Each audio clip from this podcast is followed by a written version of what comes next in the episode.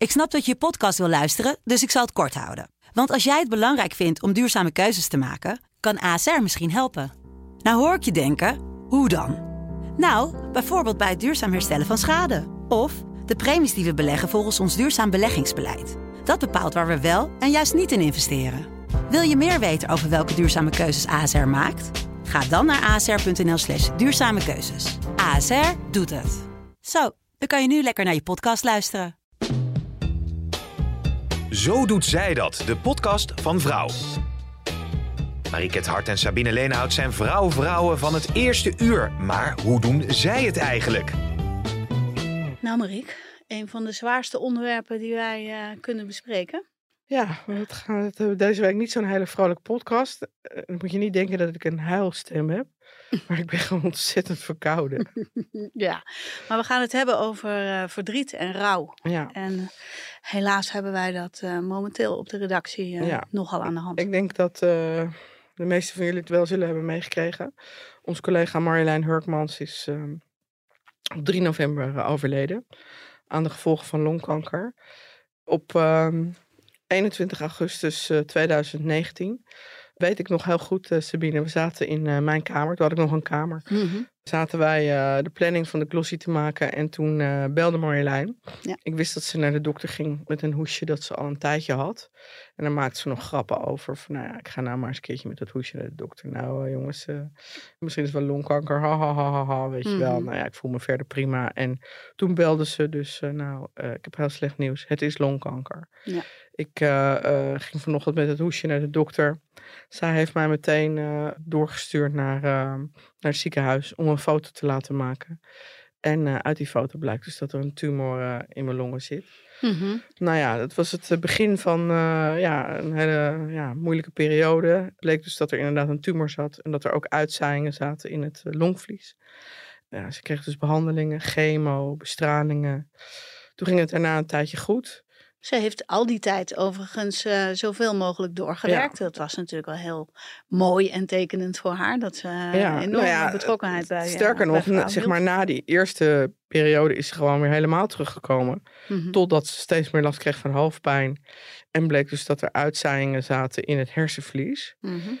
Nou ja, daarna is ze dus hele zware behandelingen. Een combinatie van chemo en immunotherapie. Dat is ook de, eigenlijk de eerste periode dat ze zich volledig heeft ziek moeten melden. Mm -hmm. Omdat ze op dat moment echt niet kon werken. Ze heeft een tijd in het ziekenhuis gelegen, in een revalidatiecentrum gelegen. Ja. In een rolstoel beland. Maar eigenlijk ging het weer wat beter. Want in oktober is ze zowel bij het redactieuitje als uh, bij de redactie Brainstorm geweest. Grote redactie Brainstorm. En de kanker was in remissie. En de kanker was in remissie. Dus ik ging op vakantie naar Peru half oktober. Met het idee van nou, het gaat eigenlijk best wel goed met Marjolein. Mm -hmm. En toen op een kwade dag, op uh, donderdag uh, 3 november, was ik nog in Peru, was de ene laatste dag. Kreeg ik van jou een telefoontje dat uh, Marjolein was overleden. Ja. Wat is er in die tussentijd gebeurd? Er is in de dagen daarvoor door de man van Marjolein gebeld met Daan, jouw vervanger. En um, werd ons verteld dat de artsen bang waren dat ze zou bezwijken aan een longontsteking die Ja. ze opgelopen had.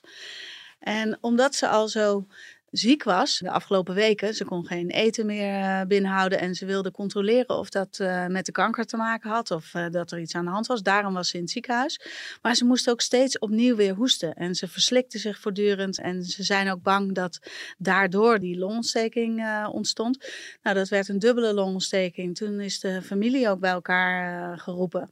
Iedereen was echt wel van slag, ook op de redactie, Mhm. um, omdat we die dag een stand van de krant hadden en een uh, redactievergadering. Z- Waren wij er ook allemaal? Dat is ook wel uitzonderlijk op een woensdag. Uh, zijn we niet altijd. En nu waren we met de hele groep. We hebben ook met elkaar gezeten toen. We zijn toen rond een uur of vier um, met z'n allen aan de tafel. Uh, of in eerste instantie bij Daan aan het bureau gaan zitten trouwens. We hadden van Therese Boer nog twee flessen wijn gekregen. Die hebben we toen maar met z'n allen leeggedronken. Want uh, niemand was meer gezellig en vrolijk. En iedereen wilde een borrel. Hebben toen overigens wel met elkaar allemaal grappige dingen van Marjolein naar boven gehaald. Oh, weet je uh, dat ze dit zegt en dat ze zo doet. En uh, dat, dat was dan wel iets moois weer. En helaas, de volgende ochtend toen ik jou al geappt had met pijn in mijn buik. Want ik dacht, nou jij wordt over zeven of acht uur uh, word jij wakker. En dan uh, krijg je dus een uh, appje van mij waarin staat dat het helemaal niet goed gaat. Nou ja, die had ik gestuurd. En tien minuten later kregen wij het bericht via Kees do door dat ze een half uurtje daarvoor die donderdagochtend overleden was. Ja. En toen waren we trouwens ook weer bijna met de voltallige redactie. Dat was donderdag. Ja, dat was natuurlijk een ontzettend verdrietig uh, moment. Er hing toch wel een grote verslagenheid, omdat we al zoveel maanden hadden gezien dat er dan weer afschuwelijk nieuws kwam. Uh, nou, nu heb je uitzaaiing in je hersenen. En vervolgens veert ze gewoon weer helemaal terug. Ja, toen moest ze wel het revalidatiecentrum in, want er, had bloeding in de spieren gehad, waardoor ze niet meer goed kon lopen. Maar daar kwam ze ook wel weer overheen. Ik was zelf nog uh, met haar aan het appen uh, een paar dagen voor de overlijden. Nou, ik ben 9 kilo afgevallen, maar dat was ook niet helemaal de bedoeling. Weet je, dat zij tegen mij ging zeggen. Mm -hmm. uh, dus ook nog op een grappige, positieve en nou kom je wel weer overheen manier. Ja, en toen kwam ze er dus niet overheen. Dat was nee. nou ja, met name voor haar gezin. En alhoewel, ik had het idee dat haar kinderen er wel iets minder uh, hoopvol in zaten dan dat wij erin zaten. Ja. Want bij ons liet ze alleen maar, ah joh, volgende week uh, ben ik er gewoon weer. Ja. Weet je, dat gevoel ja, want gaf tijdens, tijdens de uitvaart hebben zij natuurlijk ook gezegd van ja, mama allemaal. Mama was toch wel echt heel erg ziek. Ja. Maar ik weet, dit was op donderdag. Op vrijdag ging ik naar huis. Op zaterdag uh, landde ik op Schiphol. Mhm. Mm -hmm. En op maandag sprak ik haar man. Mm -hmm. En die zei ook van ja, weet je, ik heb mezelf misschien ook wel voortdurend voor ogen gehouden. Van nou, het komt goed, komt goed. Omdat ik dat gewoon heel graag wilde, zei ja, hij ja, tegen ja. mij. Ja. En ook omdat Marjolein, die wilde gewoon heel erg graag leven. Ja. Ik weet nog wel dat ik bij haar was. En dat ze zei, nou ja, misschien word ik geen 80, maar ik hoop toch in ieder geval 58. Dat zou ze dan in maart uh, geworden zijn. Mm -hmm. Weet je wel? En dat ik zei, ja, laten we beginnen met 58. Ja. Nou ja, nu ook met die feestdagen die voor de deur staan. Ze houdt zo van kerst en Sinterklaas en oud en nieuw. En gewoon van die decembermaand. Het hele familiegebeuren was ja. voor haar heel belangrijk. Hè? Drie kinderen, waarvan er één uh, op zolder woonde en uh, één nog gewoon thuis. En, en de oudste net getrouwd. Om de hoek. Ook tijdens de uitvaart, waar wij gelukkig met z'n allen naartoe mochten. Op een natuurbegraafplaats. Dat was voor mij de eerste keer dat ik daar een, een, ja, een, een uitvaart meemaakte. Ik vond het ontzettend mooi. Ik vond het ook, ja, het is altijd een beetje raar om te zeggen, maar het, het voelde daar ook heel goed. En uh, ik vond de manier waarop wij met z'n allen in die ruimte zaten, met de, met de kist bijna in het midden. Vaak heb je toch in, in die kerkelijke omgeving, dan staat zo'n kist bijna op een altaar en dan uh, mag jij ergens uh, achterin mm -hmm. zitten, is heel afstandelijk. Dit was juist heel inclusief. Je kon iedereen aanraken, zeg maar. En ja, en toen viel de muziek uit en toen dacht ik, nou, dat is precies zoals het bij Marjolein ja. namelijk altijd gaat. Daar moesten, ook, moesten veel mensen even om gniffelen, ja. toch?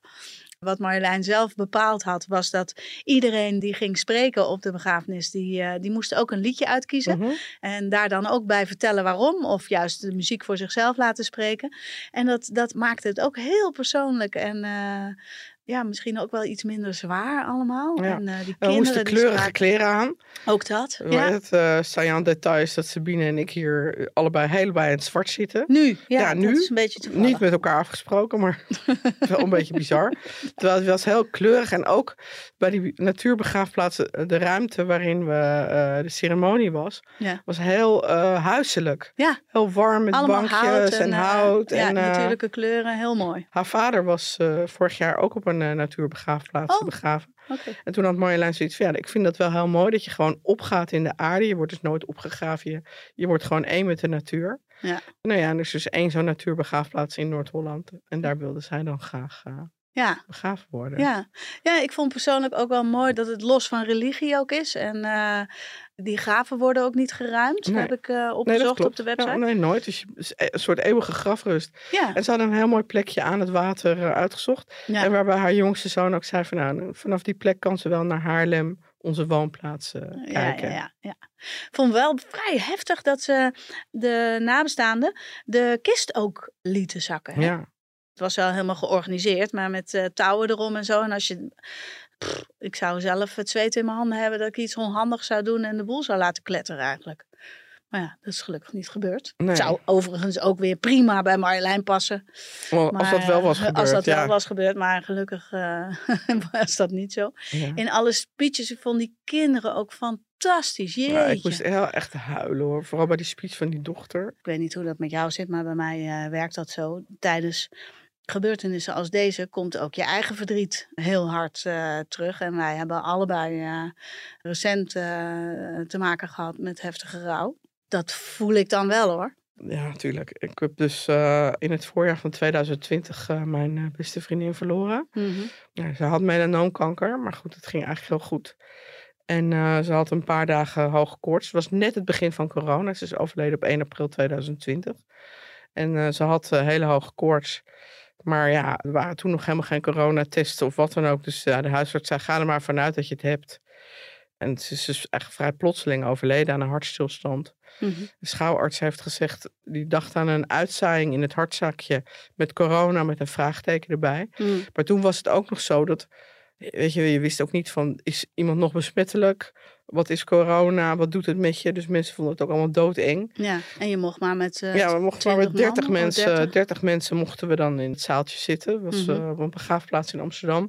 En er was daarna dus ook helemaal geen ceremonie. Dus je had gewoon, iedereen zei wat. En daarna stonden we bij het graf. En toen ging iedereen naar huis. Want je Mhm. kon niks doen van een, eh, Nee. Een borreltje of... ehm, Nee, en hebben jullie later met, eh, want jullie hebben een, een vrij eh, hechte vriendinnengroep. eh, Nee, heb we zijn dat- toen wel met die groep, of met een deel van die groep, zijn we tegen alle coronaregels in naar ons huis gegaan. Mhm. En daar hebben we toen gezeten.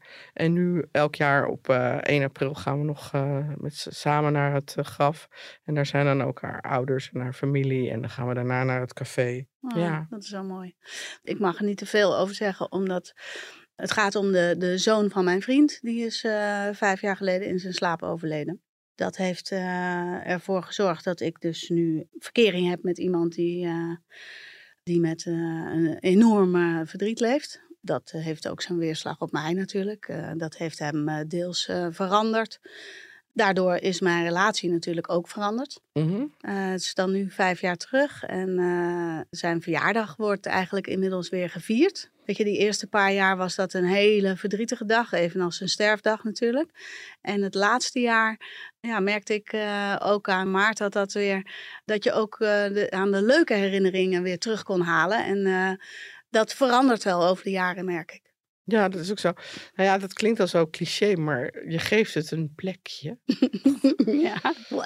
Blech. Maar ehm, in het begin, toen Elseline net dood was, dat ik ook voortdurend zoiets had van, kom nou terug, heel even. Ik wil gewoon heel even met je bijpraten. Er is zoveel gebeurd. Ja, ja, ja. Of ik wil je gewoon even een knuffel geven. Eén keertje, kom nou één keertje terug, weet je wel. Zo is het eerste jaar na haar dood, dat je al die, al die mijlpalen doorgaat, weet je wel. Mijn verjaardag, haar verjaardag, de feestdagen. Eh, we gingen altijd met oud en nieuw met de vrienden weg. Bedoel, wij waren heel close. We spraken elkaar vrijwel dagelijks. We appten gewoon dagelijks. Mhm. Toen mijn zoon in Berlijn ging wonen, wat ik ook echt best wel heftig vond eh, eh, dat hij dat ging doen. Mhm. Hè, van, van vijf kilometer verderop in Amsterdam naar 700 kilometer verderop. Ja. We werden vriendinnen toen we 22 waren, dus zij kende mijn kinderen ook heel goed. Dat ik dat dan ook zo miste, dat ik daar gewoon niet even met haar over kon praten. Dat andere vriendinnen soms zeiden van, ja, maar nou ja, dat is toch leuk, Berlijn? Of hij woont Mhm. toch nog steeds dichtbij? En dat ik ook dacht, ja, dat is ook zo, maar toch vind ik het moeilijk. Ja, ja. En dat je dan dat met andere Zij had dat vriendinnen... begrepen. Zij had dat begrepen, dat ik daar dan even af en toe over wilde zeiken. Terwijl ik dan bij andere vriendinnen zoiets heb van, ja, ja tuurlijk, is ook zo, weet je wel. Omdat je dan Mhm. nog niet een zeikert wil zijn. Mhm. Ja, dit brengt ons wel meteen bij het taboe. Het Zo Doet Zij Dat. Taboe. Wat ik merk is dat er een houdbaarheid aan je rouw zit Ja. voor andere mensen. Mhm. Zoals bij jou, weet je, dat je vriendinnen dan eh, ehm, misschien eh, niet eens helemaal 100% begrijpen hoe erg jij Elselie mist. En, en precies dat stukje, weet je. Ja, dat, Die vriendinnen die ik samen met haar had wel, hè? Ja, die begrijp, ja, ja, ja. Degene die nooit meer vragen hoe je je voelt of er helemaal nooit meer bij stilstaan. En, eh, en het is, dat merk ik ook bij de mensen in mijn omgeving. Mensen gaan het toch een beetje vergeten. En als jij nog een keer opbrengt dat je je rottig voelt, eh, doordat je eigenlijk nog rouwt, ook al is het al vijf jaar geleden, weet ja. Ja. Er was Maar- zoveel toekomst nog. Ja, zeg ik ben daar zelf ook niet altijd even attent in hoor. Weet je, wel. ik heb dan ook eh, vriendinnen of collega's die bijvoorbeeld heel onverwacht hun moeder verloren. Mhm, En dat je dan inderdaad in het begin zegt van, goh, nou hoe gaat het nu met je? mhm. En dat je er eigenlijk eh, later nooit meer naar vraagt. Dat je ook niet, niet meer weet wat die sterfdag was of eh, wat dan ook. Nee, nee. Want voor jou gaat het leven verder. Maar Ja. ehm, ik herken dat wel. Want dat taboe wat je zegt, van er zit een, er zit een houdbaarheidsdatum op. Maar zelf ben ik daar dus ook niet altijd even, eh, Attent in, ja. even attent in. Maar niet bij je, bij je naasten, denk ik. Nee, Kijk, en, bij collega, ik heb dat bij collega's ook. en het is... Het is in Nederland is doodgaan natuurlijk eh, wel echt een enorm taboe. Ik weet nog dat eh Else Lini heeft een jaar voor de die studeerde culturele antropologie en die, Mhm. die liep een jaar stage in Guatemala. En toen hebben we haar opgezocht. En toen overleed er ook een, een buurvrouw. Mhm. En die eh, stond eh, in de kist op tafel in dat huis. En toen ging eh, iedereen afscheid van haar nemen en eh, liedjes zingen en kaarsjes branden en weet ik veel wat allemaal. Nou ja, ik bedoel, bij ons is het natuurlijk zodra iemand overleden is, dan, ja, dan stoppen we iemand het liefst meteen weg. Ja, ja, ja. En denk je ook wel eens na over eh, je eigen uitvaart nu? Eh, nou, sinds ik eh, op die natuurbegraafplaats ben geweest, eh, zou, vind ik dat een hele mooie plek. Maar ik heb er tot nu toe zodanig over nagedacht dat ik vind dat mijn kinderen en Maarten mogen beslissen wat er met mij gebeurt. Het maakt mij namelijk helemaal niks uit of ik nou eh, gecremeerd word of begraven. Het eh, ligt volledig aan hen of zij eh, mij op de schoorsteen willen hebben of Ja. ergens in de grond. Ja, dat maakt me gewoon niks uit. Dus maar wat ik soms wel hoor, bepalen. dat is misschien wel leuk om zo meteen aan onze gast ook te vragen, Barbara. Als je niks vastlegt, Ja. Dat het ook nadelen heeft dat bijvoorbeeld de nabestaanden niet met elkaar eens zijn. Als dan Ja, de ja, een zegt nee, begraven, nee, de ander cremeren, weet je wel. Ruzie over de kosten en eh, weet ik veel wat allemaal. Ja. Ik heb bijvoorbeeld eh, een tijdje geleden ook met mijn moeder, die is al 88. mhm. Dus ik dacht, nou, ik ga toch maar eens wat gesprek aan. Dat ik er ook tegen mijn moeder zei, ja mam, wat wil jij eigenlijk? Wil je eigenlijk begraven worden? Wil je gecremeerd worden? Mm. wil je besloten? Wil je er iedereen bij? Ja. Eh, dat soort dingen. Dat ik toch wel blij ben dat we dit gesprek een keer hebben gevoerd. ja. Maar, maar voor jezelf vind jij niet dat jouw nabestaanden mogen bepalen wat er, hoe het zal gaan? Als jij Nou, zegt, ik nee, niet. ik wil één grote dikke vette party. En eh, Jeroen zegt, eh, nou jezus, als jij nu doodgaat, dan ben ik zo verdrietig. Ik wil helemaal geen dikke vette Ja, maar party. Kees zei, ik ben blij dat, we, dat Marjolein en ik dit gesprek hebben gevoerd. Ja, ja. Omdat ik het wist dat ze dat graag wilde op die natuurbegraafplaats. Ja, ja. Ja, nee, dat snap ik wel. Maar of zij daar nou gecremeerd of in een kist eh, in de Nou, grond weet ik niet. Ik vind zelf, eh, ehm, bijvoorbeeld eh, Jeroen en mijn ouders willen allemaal graag gecremeerd worden. Maar ik vind het idee van in zo'n hete overgaan vind ik een beetje eng. Oké. Je bent dood, hè? Weet ik. Oh, gelukkig kunnen we ook weer lachen. Ja, kom, Ja. we gaan Barbara bellen. We hebben dus eh, Barbara van Beukering eh, uitgenodigd. Zij is eh, journalist en zij Mhm. heeft eh, twee boeken hierover geschreven. Je kunt het maar één keer doen en 50 manieren om afscheid te nemen. En in deze boeken ja, heeft ze het gewoon over de dood en over rouw. En ja, zij vertelt in de boeken hoe ga je nou om met zo'n groot verlies en hoe kun je het beste afscheid nemen van je dierbaren. Dus we gaan haar even bellen. Yes. Hi Barbara, je spreekt met Sabine en Mariek.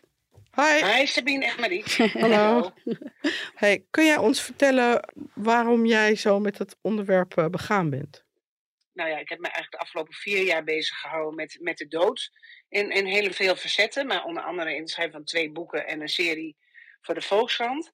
En de oorsprong ligt daarin omdat mijn beide ouders zijn aan darmkanker overleden. Mijn vader eh, kon het niet accepteren en het was een heel akelig sterfbed eigenlijk, waarin hij zich heel hevig tegen de dood verzette. Mhm. en er niet over kon praten. En mijn moeder die had, heeft het heel anders gedaan. Dat was pas jaren later. Maar die heeft juist heel erg veel energie gestoken in het afscheid nemen van haar dierbaren en het afronden van haar leven. Mhm. En ik ben er daardoor achter gekomen dat het heel veel uitmaakt als, als nabestaande ho- over hoe iemand afscheid heeft genomen. Ja. En in het geval van mijn moeder kon ik eigenlijk heel goed rouwen, want ik had alleen het verdriet en het gemis. Dat is trouwens al meer dan genoeg. Ja. Maar bij mijn vader had ik ook nog eens een keer de, de rouw om, om, om het schuldgevoel en de spijt dat het zo, nou, zo slecht was verlopen. Ja. En sindsdien eigenlijk ben ik, hou ik me be- met het onderwerp bezig, omdat ik denk dat we daarnaar moeten streven dat iedereen nou ja, op een manier eh, afscheid neemt of op een manier sterft dat, eh, ja, dat er verbinding is met, met de nabestaanden. Ja, En dat brengt me eigenlijk meteen op een vraag aan jullie. Ja. Waar jullie zeggen, ehm Marjolein is heel over, toch nog onverwacht overleden. mhm. Maar wisten jullie wel dat ze ongeneeslijk ziek Ja, was? dat wisten we wel hoor. Ja. Maar Ja, en hebben jullie ook de kans gehad om van haar afscheid te nemen? Dan niet op het allerlaatste, denk ik misschien, maar daarvoor. Nou, eigenlijk ging het wel weer beter met haar. Zij had zelf heel erg, ze was zelf heel erg strijdbaar van ik wil leven. En alles wat er mogelijk is om, om mijn leven te verlengen, die grijp ik aan. Dus ze is nog een hele zware combinatie van chemo en immunotherapie aangegaan. Waar ze ook echt heel erg ziek van is geworden. Dus ehm, de laatste keer eh, dat wij haar hebben gezien was op de brainstorm eh, begin oktober. En toen is ze er nog de hele dag bij geweest. En toen heb ik haar nog naar huis gebracht. En toen heb ik in de auto wel aan haar gevraagd of ze wel in deze hele periode met de dood bezig was. En eh, toen zei ze, ja, ik heb wel wat dingen vastgelegd en uitgedacht en besproken met mijn man. Maar ik ga nog niet dood hoor. Weet je, dat was Ja. een beetje haar eh, instelling. Dus, dus persoonlijk heb ik nooit echt afscheid van haar genomen. Was het gewoon, nou, ik zie je vol, over een paar weken weer. Kun je voldoening vinden in de manier waarop het afscheid is, is verlopen? Het lijkt mij best moeilijk dat ze bleef ontkennen. Als je zegt van ik ga nog niet dood en ik blijf nog minstens een half jaar leven. Dan is dat niet een opening van gesprek toch? In mijn Nee. Nee, niet echt. Maar dat vond haar man ook wel moeilijk hoor. Want die zei ook van, weet je, ja. Hij zegt, omdat zij ook zo graag wilde leven en zich daar ook aan vasthield. Hij zegt, heb ik ook wel een beetje mijn ogen gesloten voor het feit dat ze echt heel erg ziek was. Ja. Ja, dat snap ik ook, ja. Het is toch zo dat eh, eh, bijna 80% van de mensen die doodgaan, die weten dat van tevoren, toch? Klopt. Ja. Ja. 80% van de mensen die heeft een aangekondigde dood, zoals ze dat noemen. Ja. En dat betekent dat een arts ooit een keer in je leven gaat zeggen van u heeft niet lang meer. En daar hoort natuurlijk eh, ziektes als kanker of ALS Mhm. of hè, dodelijke ziektes bij, maar ook ouderdom. Want Ja. hè, de, de ouderdom is eigenlijk ook een dodelijke ziekte. Ja, ja, ja.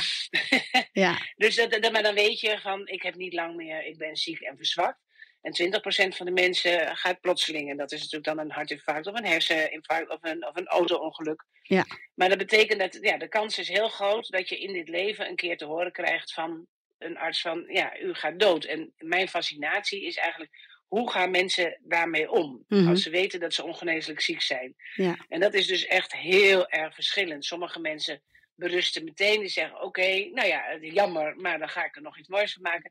En andere mensen zeggen, ik wil niet dood. En die gaan inderdaad alle therapieën doen en de zwaarst mogelijke behandelingen. En blijven toch min of meer eh, ja, hopen dat er nog iets aanslaat of dat er nog iets wordt Mhm. gevonden.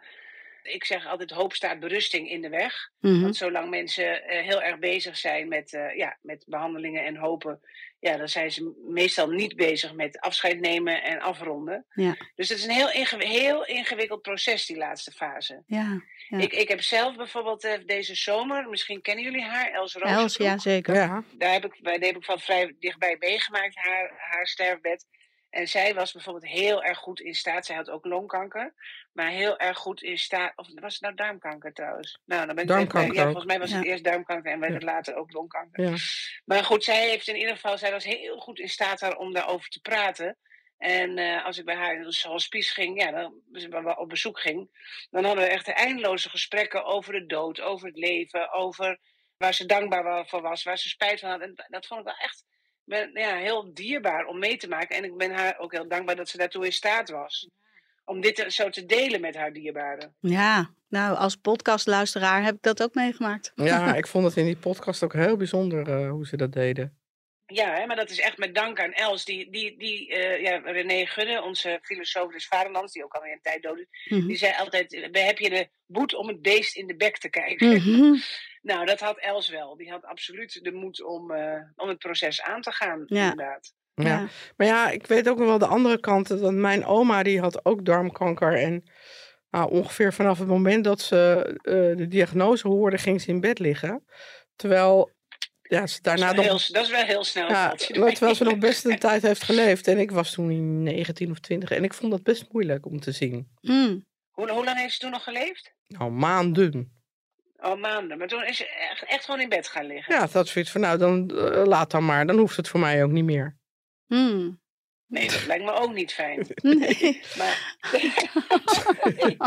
dat is ook een beetje van alles niks, we zeggen, hè? Ja, Dan je precies. eigenlijk Dus, een oma die het beltje wanneer gooit, maar ze is er nog wel. ja, nou ja, dat, Ja, zo was goed, het een maar beetje. Het is inderdaad ook wel interessant wat jij zegt. Want er zijn ook mensen die, die ik gesproken heb in al mijn eh, gesprekken. Die zeggen van ja, mijn dierbare, dus mijn, mijn partner of mijn broer of mijn, mijn, mijn, mijn zus. Die wilde eigenlijk zelf geen behandeling meer, maar wij hebben er heel erg op aangedrongen. Mm. Dus het wil ook nog wel eens zijn dat, dat juist de omgeving inderdaad dat fijn vindt. Misschien had jij wel graag gewild dat je oma zich nog liet behandelen. Nee, nee. En eh, als jij nu, Barbara, na al die gesprekken, kun je een conclusie trekken? Wat, wat, wat zou je het beste kunnen doen voor je nabestaanden, zeg maar? Nou, eigenlijk mijn belangrijkste conclusie is eigenlijk dat we veel meer moeten praten over de dood. Ja. De dood is echt een, echt een heel groot taboe. Mhm. En doordat we er niet over praten, zijn we ook eigenlijk als we zelf de dood aangezegd krijgen, zijn we er ook niet aan, over gewend om te praten. En dan krijg je inderdaad eh, mensen die gaan ontkennen of het er niet over willen hebben. En dat is natuurlijk dat is heel schrijnend, want het is zo'n ingrijpende gebeurtenis dat het juist heel belangrijk is om erover te praten. En Ik ver- vergelijk het wel eens met een bevalling. Als je een kind krijgt, dan wil je ook honderdduizend keer vertellen over die bevalling. Ja. En dat is ook met, met doodgaan, je- moet je er ook gewoon honderdduizend keer over praten. Ja. En zo, hoe meer we erover praten. De Sieren heeft een half jaar geleden een hele mooie campagne gehad. Hè? De dood praat er niet overheen. Ja. Nou, en dat onderstreept heel erg mijn missie. Want ik denk, als we er veel meer over praten, dan wordt het vertrouwder. En als het vertrouwder wordt, dan kunnen we er gewoon beter mee omgaan. Want dat is denk ik het belangrijkste. Dat je gewoon, als het je overkomt. Jullie zeggen terecht, ik weet niet hoe ik me zou gedragen. Nou, ik weet het ook nog steeds niet. Hm. En dat weet je ook nooit zeker voordat het zover is. Maar ik denk wel, dat vier jaar geleden denk ik dat ik echt totaal in paniek zou zijn geraakt. En ook echt een hele lastige stervende was geweest. Gewoon in mijn schulp gekruipt en het nergens over wilde Ja, hebben. ja. Maar doordat ik er nu zoveel over gepraat heb en eh, gedacht, denk ik dat de kans veel groter is. Dat ik het wel gewoon onder ogen zal zien en met mijn dierbaren daar openlijk over de, kan en durf te praten. Ja. Ik, ho- ik hoop dat ik dat ook doe, eigenlijk. Ja, eigenlijk hopen we dat allemaal. Hè? Ja. Nou ja, het is sowieso goed om erover na te denken en om, ja, om erover te praten. Daar heb je Ja, helemaal gelijk helemaal in. gelijk in. Ja, en praat met je ouders alvast en praat met je kinderen. En gewoon de vraag stellen, hoe zie je dat eigenlijk voor je als je zelf doodgaat? Vorige week sprak ik op een scanartsencongres. Ja. En daar zaten iets van eh, nou, 500 scanartsen in de zaal. En toen vroeg ik, wie heeft er wel eens nagedacht over de manier waarop je zelf zou dood willen gaan? Dus niet over Hmm. cremeren en begraven en natuurpraat, nee helemaal niet. Maar hoe zou je dood willen gaan? Wil je in je slaap overlijden? Wil je plotseling? Wil je aangekondigd? En hoe dan? Palliatieve sedatie of euthanasie? Of wil je thuis ja. of in een hospice? Er zijn genoeg keuzes te maken. Ja. Niet dat je het zo kunt regisseren, maar je kunt er wel over nadenken. En toen bleek dat van die zaal, en dat zijn toch scanartsen, hè, die hebben de hele dag met stervende mensen te maken. Ja, ja. En dat 70% had er wel eens over nagedacht en 30% nog nooit. Nog nooit. ik toch Oké. heel grappig. Ja, Ja, en ik zou zeggen, jongens, denk eens over je eigen dood na. Ook al is het pas over 50 jaar, je kunt er niet vroeg genoeg mee beginnen om erover na te denken. ja. Ja, Dus de bijzonder. volgende keer dat jullie spreken, dames, Ja, Ja? wil ik graag even van jullie horen hoe jullie het voor je zien. Ja, nou, ik dacht altijd, ik heb altijd gedacht dat dat eh, met veel pijn en een grote klap, weet je wel, dat ik zo eh, aan mijn einde kom. Want ik doe allemaal te gevaarlijke dingen, zeg maar. Maar ehm, de laatste tijd word ik wat rustiger en nu denk ik, nou, misschien kan ik ook gewoon omvallen, zeg maar, ergens rustig. Ik weet het niet. Maar ja, ja. Nou, dankjewel Barbara voor je tijd en eh, inzichten. Nou, jullie ook hartelijk dank en sterkte met eh, nou, de rouw en het verdriet om Marjolein. Dankjewel. Ja, Tot de dankjewel. volgende keer. Tot de volgende Tot de keer. volgende keer. Dag, dat is natuurlijk meteen mijn volgende vraag. Hoe zou je willen doodgaan? Ik? Nou, eh, overdosis of zo. Heel euforisch. ja, ik weet het niet. Ja, een beetje afhankelijk als ik eh, kanker krijg of ALS of zo'n zo'n slopende, uitzichtloze ziekte. Dan ehm, denk ik eh, overdosis heroïne of zo. Of, Nou ja, weet het, voordeel van, verder dat een voordeel kunt noemen, als je overlijdt aan een ziekte, Ja, is dat je de gelegenheid om afscheid eh, te nemen van je nabestaanden. ja, zeker. Als je bij een eh, helikoptercrash, eh, noem maar wat, Ja. overlijdt, ja, dan is dat voor jouzelf denk ik wel een mooie dood. Maar Nou, behalve die tien seconden voordat ik ja, neerstort. behalve die tien seconden voordat je neerstort. maar voor je nabestaanden is het natuurlijk wel een groot schok. Ja, zeker. Ja, en daarom, wat Barbara zegt, is het af en toe echt wel prima om Ja. even met je, ook met je kinderen en met je partner. Ja, met je Dus- ouders inderdaad. Ja, ik vond het wel moeilijk eh, met Elseline, want die overleed natuurlijk aan een hartstilstand. totaal onvoorbereid. Nou ja, we wisten natuurlijk wel dat ze ziek was. Maar ik had dan inderdaad, nou, dan, dan worden uitzaaiingen en chemo. En het is Mhm. een langdurig proces. Ja. Waar we nu nog helemaal niet mee bezig zijn. Nee, Dus nou ja, Ja. het is eh, niet makkelijk. nee. hey, en uh, Sabine, heb je nog wat op te biechten? Opgebiecht.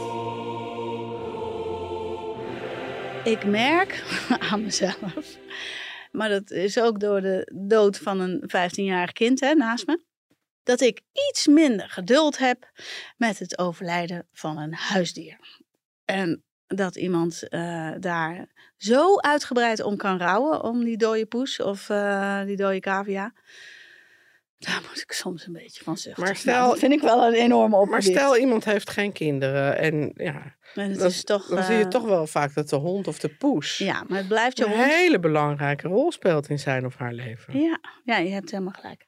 Maar kijk, ik denk ik ook... ga om- dan natuurlijk ook wel eh, gecondoleerd met je hond zeggen. Maar eh, als ik dan de komende twee jaar van die hondenplaatjes blijf zien op het internet. Dan denk ik, nou, nu is het toch wel een keer klaar.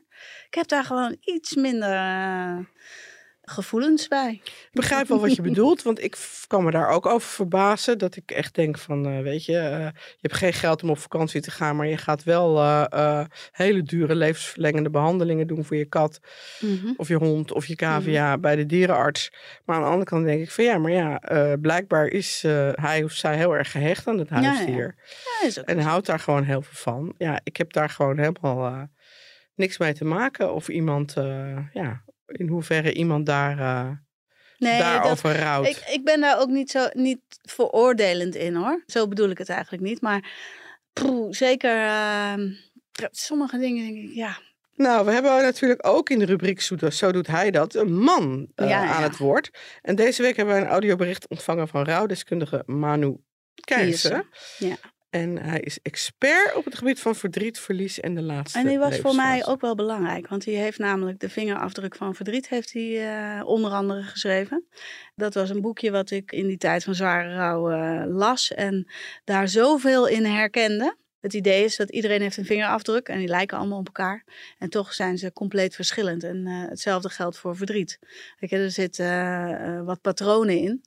Maar ja, iedereen beleeft zijn verdriet eh, anders. Daarom dat ik ook helemaal niet zo bot kan zeggen dat ik geen eh, begrip heb voor rouwen om een hond. Want dat mag ik helemaal niet zeggen. Iedereen heeft gewoon recht op zijn eigen verdriet. En het is Ja. zoals het is. Is waar, we gaan even luisteren. Zo doet hij dat. Rouw is veel breder dan sterven. Het heeft te maken met het missen van iemand waarvan je houdt. Het heeft dus te maken met je capaciteit om van mensen te houden. En het is een teken van liefde. Weet dat gevoelens niet logisch moeten zijn. Sommige goedbedoelende mensen zullen je proberen precies te vertellen wanneer en hoe je moet voelen. Alleen jij weet hoe je je voelt. Laat toe dat mensen zorg voor je dragen. Wanneer je een been breekt, word je ook verzorgd en dat is veel minder ingrijpend. Probeer niet de hele toekomst in één keer aan te kunnen, maar probeer het tot de middag of tot de avond uit te houden. Houd er rekening mee dat op momenten dat je het gelukkigst bent, het gemis ook het grootst kan zijn. Mensen die je aanzetten om je erover te zetten, in plaats van je verdriet te ervaren, zijn meestal geen goede helpers. Verdriet is geen vijand die je moet bestrijden, maar een noodzakelijk gevolg van de liefde. Aldus Manu Kers. Mooi. Mooi hè? Ja. Ja, je hoort al aan wat hij, wat hij zegt, dat zijn insteek is. De publicaties die hij eh, hierover doet, eh, dat die echt wel eh, kunnen helpen. Ja, en dat je het verdriet dus ook toe moet laten. Hè? Ja, ik heb ook wel mensen in mijn omgeving gehad die een beetje de houding, nou kom op, schouders eronder en gaan. En dat gaat niet met verdriet. Nou ja, dat bedoelen mensen goed. Hè? Dat is natuurlijk het voorbeeld wat ik eh, noemde met Vincent die in Berlijn ging wonen. Van nou ja, weet je, zover is het toch niet. Je ziet het nog vaak. En Mhm. dat bedoelen mensen natuurlijk supergoed. Ja, Hè? Die, die willen dat op die manier jou daarmee troosten. ja. Ja, maar En- als je rouwt om een overleden vriendin en eh, ze zeggen na een jaar, eh, nou Mariek, kom Ja, op. zit je daar nog steeds, maar dat heeft nooit iemand tegen Nou, gelukkig. Nooit. Gelukkig. Maar die houding, ehm, die bespeur je toch wel. Ja, mensen zitten helemaal niet meer te wachten op jouw verhalen over je verdriet. Op een gegeven moment. Nee. Na drie, vier, vijf jaar. Ja.